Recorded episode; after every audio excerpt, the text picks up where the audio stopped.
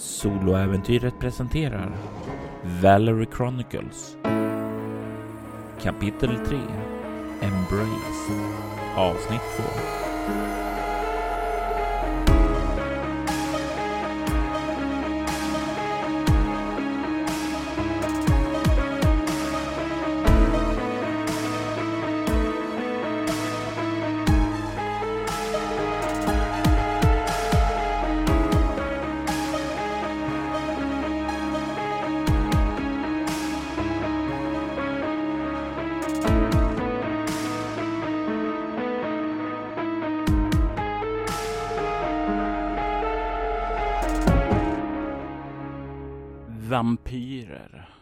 drömmer inte.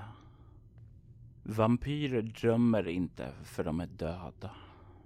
Så ändå när det här eh, mörkret sveper omkring dig Valerie så är det rofyllt. Du hemsöks inte av dina inre demoner.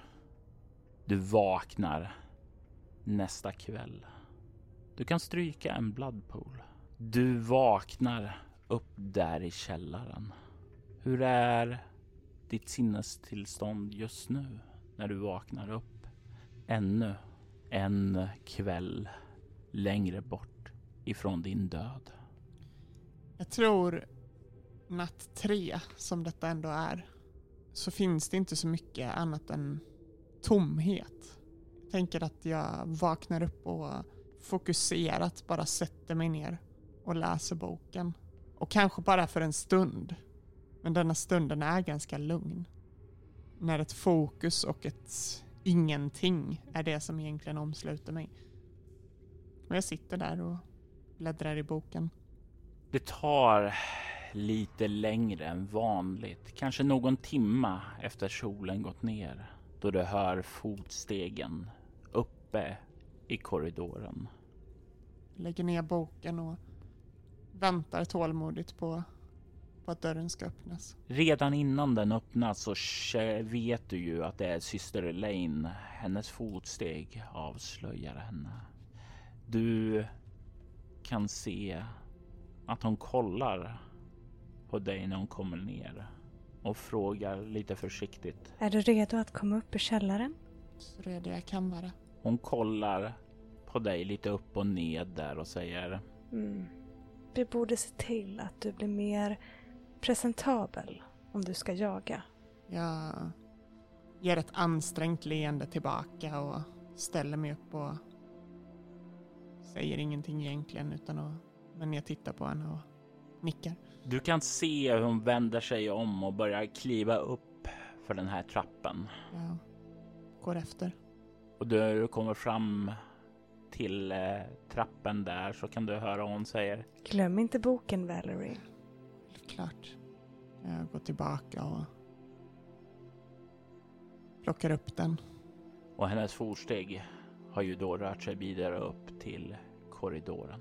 Jag tar ett steg upp på första trappsteget och känner liksom hur en kalkhår går genom kroppen. Och, men i samma veva som den nästan anländer så liksom skakar jag av med den och biter ihop och fortsätter bara gå. Och du kommer upp till korridoren och du känner igen den. Det är den här korridoren som finns utanför det rum som du vaknade upp vid då du kom hit efter olyckan. Syster Elaine ler lite mot dig och fortsätter sedan utåt mot den här stora kyrkosalen. Utan att säga någonting och så bara sluter jag ögonen medan jag går och tar en tanke och det enda jag försöker säga till mig är att håll ihop dig själv, håll ihop dig själv. Och det är med den liksom repetitiva meningen som jag tittar igenom med en fokuserad blick fortsätter att bara följa efter. Och du kommer ut i salen där. Kan ju se hur systrarna går omkring där och börjar eh, göra i ordning saker precis som de har gjort de andra gångerna du har varit här. Det är väl, eh, säg rätt, så likt som de andra gångerna du har varit här. Men det är någonting som är annorlunda. Du ser människorna här. Det är nästan så du kan höra deras hjärtslag. Du kan känna nästan doften av deras förhöjda känslor när de ser dig. Hur de kollar på dig med, ja en del verkar nästan lite skrämda, andra fascinerade, men alla berörda. Jag är väldigt noggrann med att inte möta en enda blick utan jag har min blick fastspänd på, på syster Elaine medan jag följer hennes fotspår. Och hon går inte utåt utan istället så går hon över den här lilla upphöjda scenen bort mot den andra dörren som finns här och kliver ut i korridoren som finns där. Jag följer efter. Du kan se att den här korridoren har två stycken trappor till vänstra delen som leder uppåt och två stycken dörrar till rum här. Och hon kliver fram till den första dörren och öppnar den och gör en gest åt dig att kliva in där. Jag går in. Du kan höra hur hon stänger dörren bakom dig.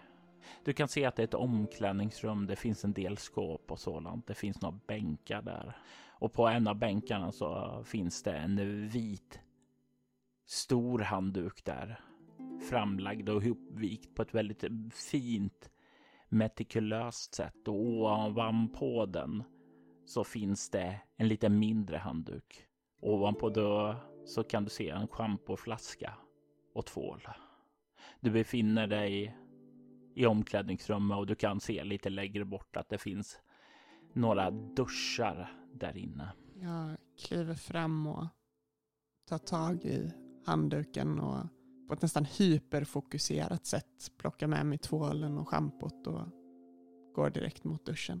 Jag sätter på den och låter tvålen flagna bort. Det intorkade blodet och dammet i jorden.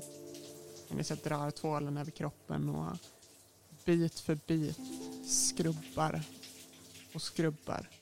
Den här schampoflaskan och låter schampot rinna ut medan jag gnuggar i hårbotten.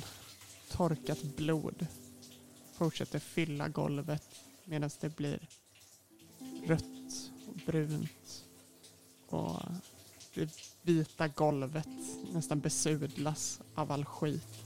Men jag fortsätter skrubba.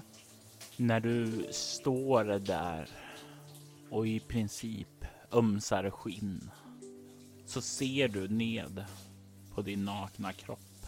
Där nere på magen. Att du fortfarande har ett R. Ett R efter det där stora monstret. Lupinen som de kallades.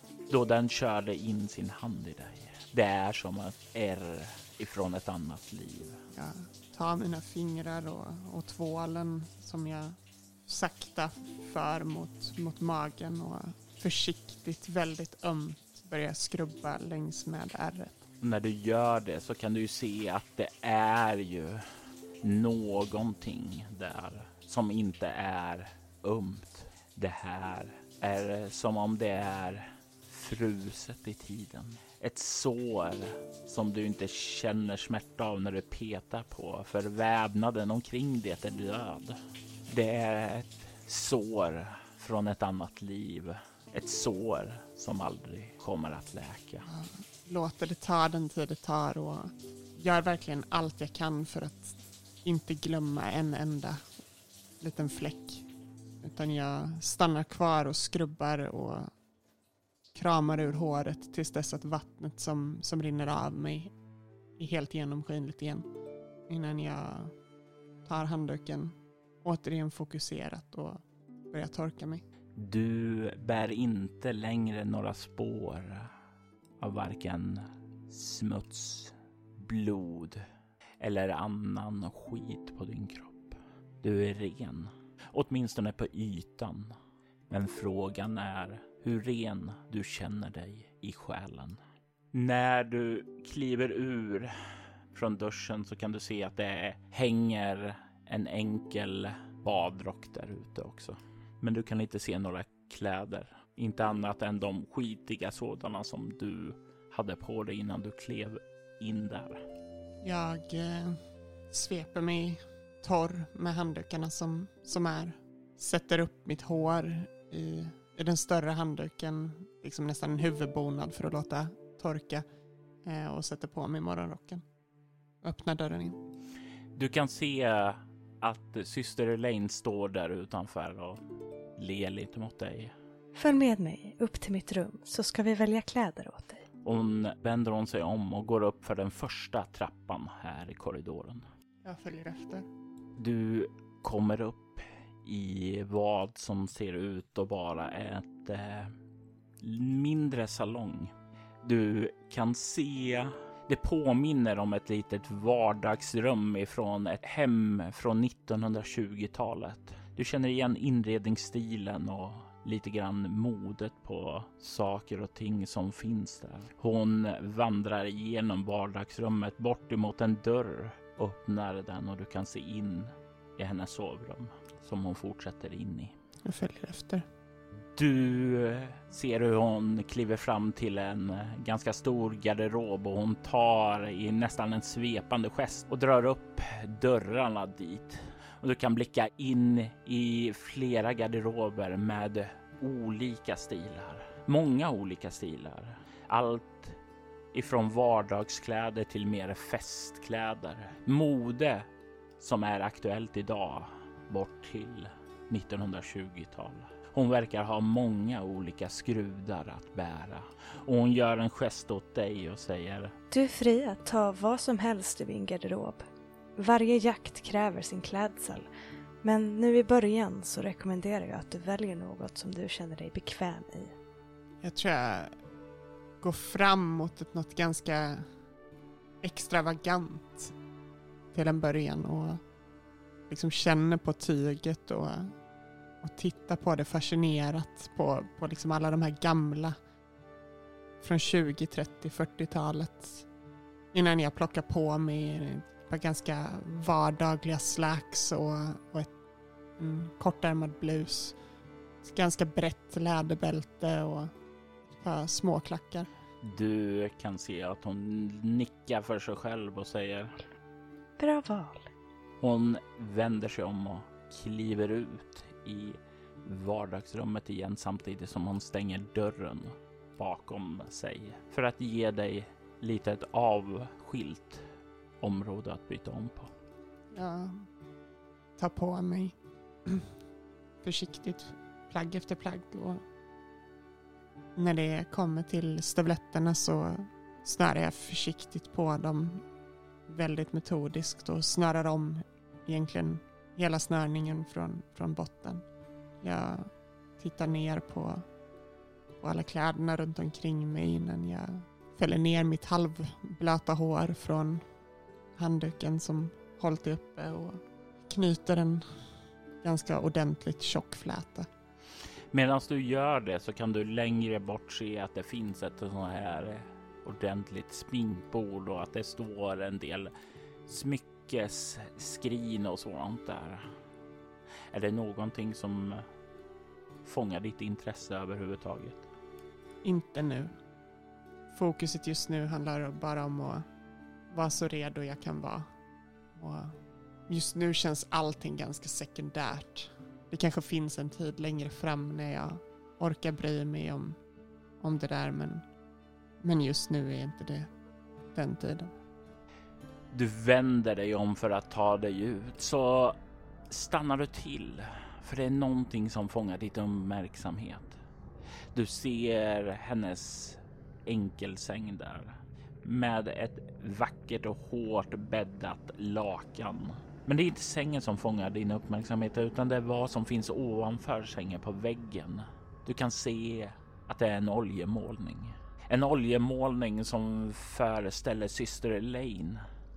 Eller det är i alla fall vad du tror. Jag vill att du slår ett perception expression. Vilken svårighetsgrad? Svårighetsgrad 8.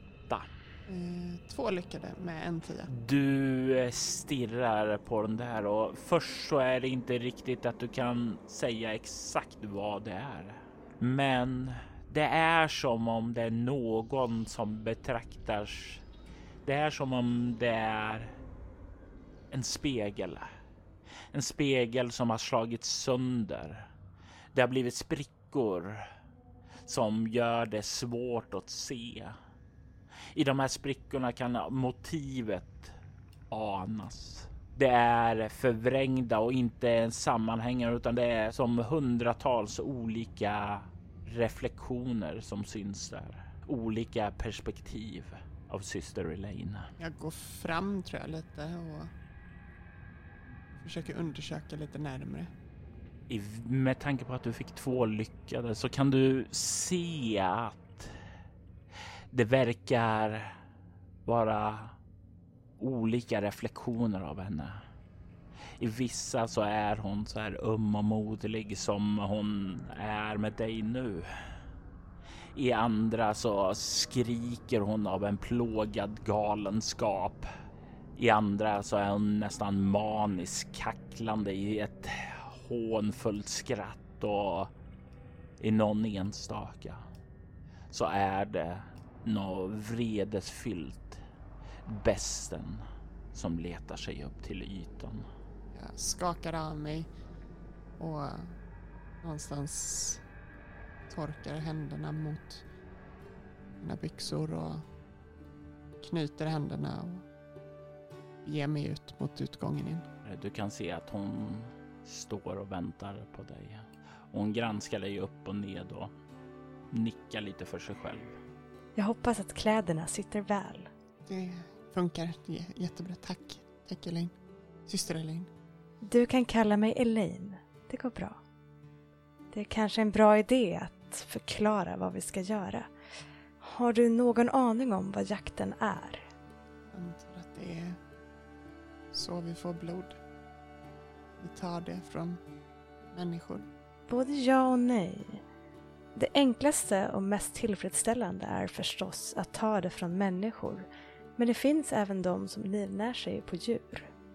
Blodet kan inte säga vara särskilt gott eller tillfredsställande. Men det duger under en kris. Särskilt om du inte har något annat. Generellt kan det dock sägas att de djur som är enkla att föda ifrån har mycket mindre blod än en människa. Och de djur som har mer blod än en människa är ofta bättre att låta bli om du förstår vad jag menar. För att det är enklare och, eller svårare rättare sagt antar jag, att, att dölja det, eller? Ja, för all del. Men jag tänkte mer på att djur i den storleken är farliga. Du bör också ha i åtanke att om du inte är en av de vampyrerna som har kontroll över djuren så känner de ofta av din vampyriska natur och reagerar på det. Djur är inte längre en vän till dig. Okej. Jag förstår, jag. Så vad ska vi nu? Vi ska till staden Bethel och där ska du få göra din första jakt. Hur man går tillväga för att jaga är olika för olika vampyrer. Vissa har en karismatisk förmåga att trollbinda och förföra människor medan andra har en gåva att befalla folket genom sitt blod. Jag kan inte dominera andra sinnen men jag vet att Father Passion behärskar den disciplinen. Och du minns ju ifrån visionen där. Första gången du vaknade upp hur han tog ifrån en bi liten bit av din vilja och tvingade dig att göra saker. Att få dig att falla i linje. Och det går en kall kår genom kroppen när, när jag hör detta och när jag tänker tillbaka på den sekunden. På samma sätt som han, när han beordrade mig inne i den stora salen inför alla andra. Men det är bara metoder som använder den vampyriska naturen. Det går förstås lika bra att försöka skärma och flörta som vanligt. Att attackera och dra in dem i en gränd eller liknande. Alla vampyrer har sina egna metoder för att komma ostört med sitt byte. Jag har till och med hört hur vissa Ventrus betalar för blodet och ser det som en enkel affärstransaktion. Får jag visa dig hur det går till då du tar blod ifrån ditt offer? Jag nickar. Hon kliver fram till dig och ställer sig bakom dig. Och liksom tar dig lätt på axeln med ena handen och drar undan flätan så att hon blottar din nacke. Här. Hon lägger med sin hand som hon tidigare hade på axeln sina fingrar på din hals och när hon gör det så återigen så får du en flashback tillbaka då du vaknade upp här med två stycken Ja, nu förstår du vad det var. Bitmärken där. Två hörntänder som hade sugit blod ifrån dig. Jag låter mina händer och fingrar liksom tracea den punkt där de bitmärken skulle vara och stå kvar i någon sekund efter hon släpper. När du biter någon så är det inte en smärtsam upplevelse för människan. Jag vet inte om det är av århundraden av inlärt beteende hos oss vampyrer eller om det är en mänsklig försvarsmekanism.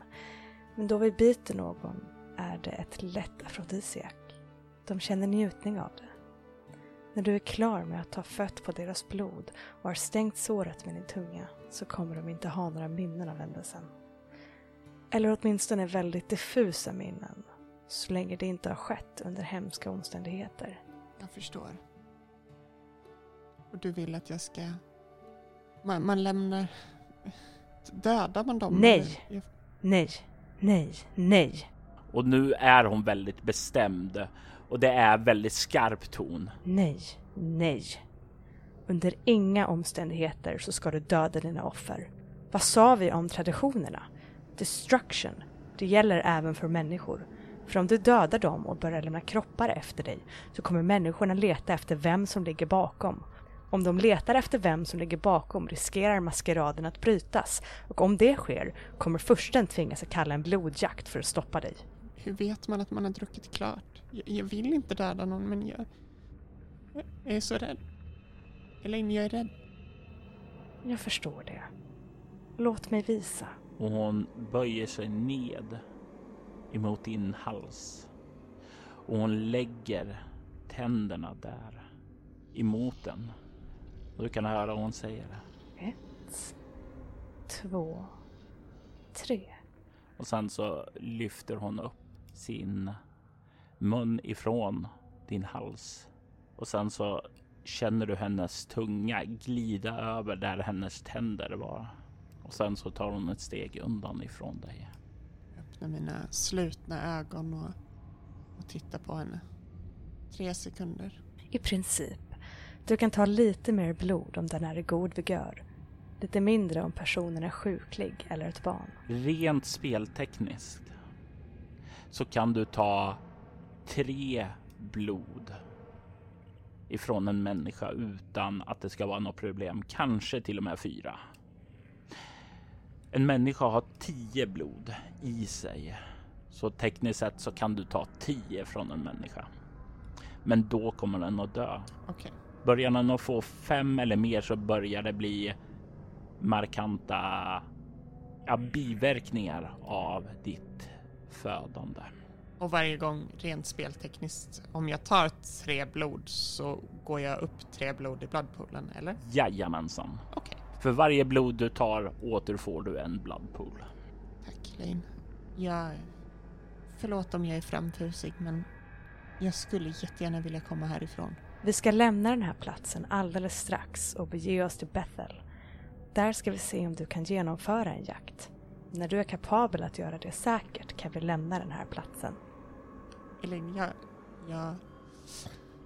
Jag vet inte om du vet varför jag lät, varför jag lät mig omfamnas av dig. Father Passion... Jag, jag känner inte honom. Men det finns någon under honom som... Jag vet inte om du har träffat William. William Wade. Jag är bekant med Father Passions Child. Jag vet vem han är. Så det är det han är. Ja. Och oroa dig inte för William. Så länge som jag och Father Passion är vid liv så har William ingen som helst inflytande över dig. Han vet sin plats. Förlåt Elaine. Jag... Det är ingen... Jag vill inte vara respektlös men jag, jag litar på dig och jag förstår det. Men jag litar inte på mig själv om jag skulle se honom igen. Han försökte ta upp kontakten och jag antar att det är för det här som han försökte få upp kontakten igen. Vad jag har fått höra från Father Passion så hade han talat om dig. Han ville ha dig hit. Så jag förstår din ovilja att vara i hans närhet. Och det är därför som det är viktigt att du bemästrar jakten. Har, har, du några, har du några råd? Hur tycker du jag bör göra? Jag är inte stark. Vad är du bra på? Det finns många sätt att jaga på som sagt var. En del drar in folk i gränden och stjäl deras blod, men det var aldrig mitt sätt.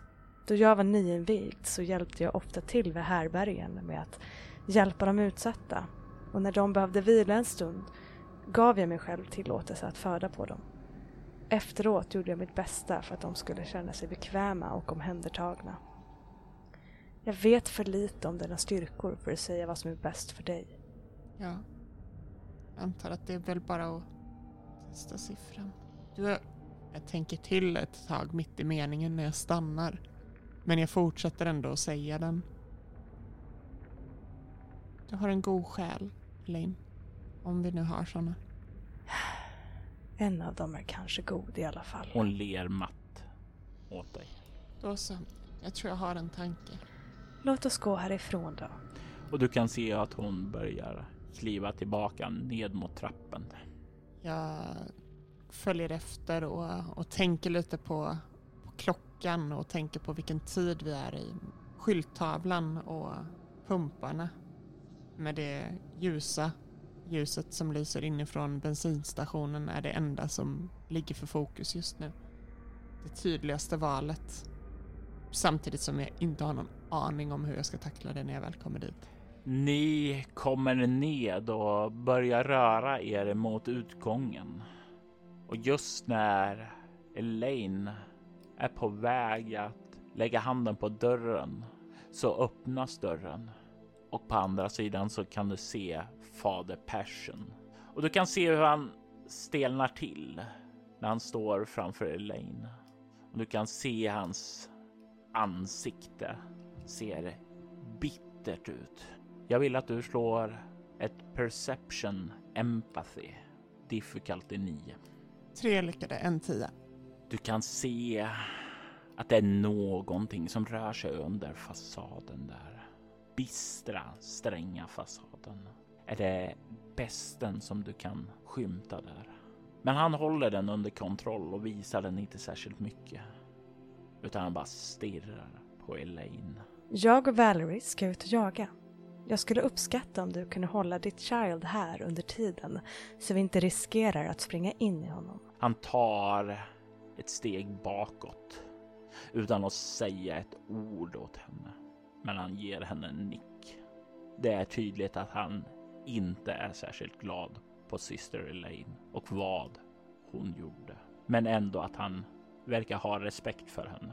För första gången någonsin i hans sällskap så släpper jag inte blicken. Tidigare när jag sett honom har jag bara velat få blicken därifrån, fokusera på något annat. Speciellt efter jag vaknade upp, efter visionen och den stränga sida som tog vid. Men jag, denna gången tittar jag bara på honom och jag följer efter Elaine och följer hans blick. Och det är just när du ska kliva ut som han håller upp handen framför dig för att stanna dig. Stannar du eller försöker du tränga dig förbi? Jag stannar, fortsätter att titta på honom. Vad syster Elaine gjorde är förkastligt. Det är inte vad du förtjänar. Oavsett vad jag hade planerat att göra med dig så hade det varit ett mindre grymt öde. Jag hoppas att du kan rida ut galenskapen. För när den röda stjärnan kommer så kommer ditt öde att omfamna dig. Och sedan så sänker han handen och tar ett steg undan för att ge dig fri väg ut. Jag fortsätter titta på honom och dröjer kvar i, i någon sekund innan jag säger till honom Fader, jag förstår att du inte, från början i alla fall, ville något ont. Du kanske ville mitt bästa. Men vetskapen av att du inte visste alls vad mitt bästa var. Du hade aldrig, aldrig kunnat övertyga mig så länge Bill finns i närheten. Må så vara. Jag hoppas bara inte att Malkavs blod rinner för starkt i dina ådror. Dagen som galenskapen kommer är dagen då stjärnan närmar sig. Kom ihåg det då kakafonin tar sig in i ditt liv. Jag tittar på honom och nickar samtidigt som jag fortsätter.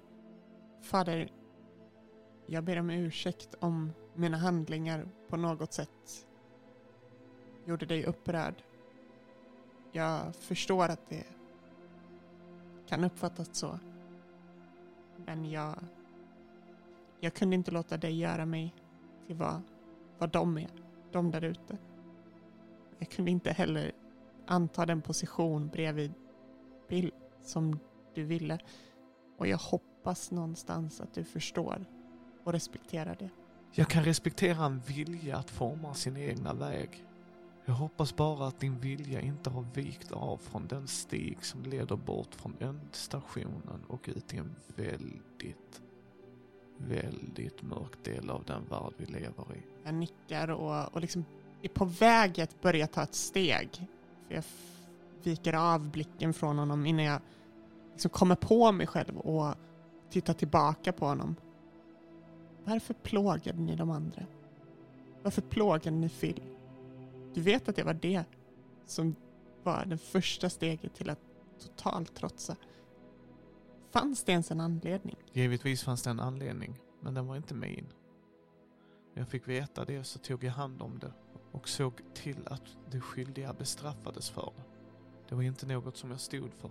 Det är inte heller något som jag vill se på gården. Låt oss säga att de skyldiga har tid att kontemplera sina brott. Gjort är gjort, antar jag. Men jag... Jag vill någonstans säga att jag... Jag må inte förstå dina intentioner. Men jag tänker låta det som har varit vara. Jag har inget otalt med dig. Så länge du håller Bill borta från mig. Och jag har inget otalt med dig. Och om du oroar dig för Bill så har jag gett honom väldigt klara instruktioner. Att hålla sig undan ifrån dig. Jag nickar och gör ett litet snett leende. Bra. Jag tittar på Elaine och... Ska vi? Elaine nickar och sen börjar hon gå ned för den här stigen som leder ned till den här grinden som leder ut mot den här vägen som troligtvis kommer ut mot en motorväg som du körde på när du försökte lämna Woodstock och Bethel bakom dig. Inte bara en gång utan två gånger. Släpper alla tankar och, och låter mig själv bara fokusera på, på nästa steg. Och, och hoppas innerligt att Father Passion är en, ja, kan man säga man? Oavsett att han står för sitt ord. Du kan känna han dröjer sig kvar där i dörröppningen ett tag medan ni försvinner nedåt. Men så hör du hur porten där till kyrkan dras igen. Och du och Elaine börjar komma ned ifrån kullen där. Kommer ner på den här vägen som leder fram till grinden och jag vill att du slår ett perception alertness här. Ett difficulty 7. Men eftersom du har auspex 2 så tänker jag låta dig få minus 2 i difficulty så då blir det 5 istället. Alla lyckade inklusive en tia. Fem lyckade. Det är en major success, vilket gör att när du börjar komma närmare där så ser du att det på den här staket som verkar vara runt hela området där så kan du se att det hänger saker med jämna mellanrum på det. Du kan se att det är små tygpåsar med något innehåll som hänger ned på insidan. Och liksom när du börjar komma närmare det här grinden så får du en känsla av nästan att nackhåren reser sig på dig. Du får en känsla av att vara iakttagen. Elaine, Ja, det är någon här. det är många som iakttar oss här. Observant av dig. Jag är lite förvånad och lite imponerad. Jag gissar att du ser påsarna som hänger på staketet. Ja. Va- Vad är det i dem? Jag vet inte vad som är i dem, men jag vet att Father Passion tillhör en klan som heter Giovanni. De kan tala och kontrollera de döda. De där påsarna har han gjort någon ritual med för att skydda det här området. Det är de döda som ser till att Ingelup Pines kan komma in här. Det är därför som en av hans regler är att vi inte ska lämna området eftersom där ute, säger hon och pekar på grinden är vi alla byten för de Lupines som finns där. Men till och med Bill lyckades besegra eller överrumpla eller i alla fall rädda mig ifrån dem. Utifrån vad jag förstod från Father Passion så hade Bill tur. Han var välbeväpnad för situationen och det var en lupine. Vanligtvis brukar varulvar färdas i pack. Bill hade tur. Du hade tur. Skaka på axlarna och... Kan inte bli värre än sist antar jag. Och ett ansträngt leende. Åh mitt barn. Så ung, så naiv. Men jag gillar optimismen. Låt oss hålla den nära hjärtat. Hon kliver fram till grinden, öppnar den och gör en gest åt dig att kliva ut. Jag följer henne. Följer gesten. Tittar tillbaka upp mot kyrkan igen. Och, Och du känner ju när du kliver igenom grinden hur den här känslan av iakttagelser som du kände när du kom ned här, hur den bara upphör. Hur du är ensam nu. Om man inte räknar med din Sire förstås. Hon stänger grinden efter er. Och när du stirrar upp där emot The Ascendant Church of Hope and Light. När du står här och betraktar den utifrån. Vad är det för känslor som virrar omkring där uppe i ditt huvud? för första gången på länge så, så är det tomt. Just nu finns det inget annat än målet och det fokuset på, på nästkommande uppdrag. Att jag ska lära mig den här biten. Även om jag är livrädd för vad som kan, kan hända så försöker jag bara ge syster Elaine all respekt som hon gav mig när jag bad henne att omfamna mig. Jag vill inte, kan inte låta mig påverkas av just, just det som har hänt de senaste dagarna. Det, det får inte påverka. Kan inte låta det påverka. Och du vet, i samma tanke som, eller i samma sekund som tanken uppenbarar sig att jag börjar ens lite tänka på det, då är det som att jag stannar till för en sekund och spärrar upp ögonen samtidigt som jag bara skakar av mig det och känner bara nej, inte nu. Det finns en plats för sorg, det finns en plats för kontemplation, men den är inte nu. Jag måste härifrån. Jag måste bevisa mig att jag, jag kan få ta mig härifrån. Och det första steget att bevisa sig är att ta sig tillbaka till den där bensinstationen som du missade på vägen ut ifrån staden Bethel efter att du hade lämnat Woodstock för tidigt för att hinna tillbaka till ditt jobb, ditt nya jobb i New York.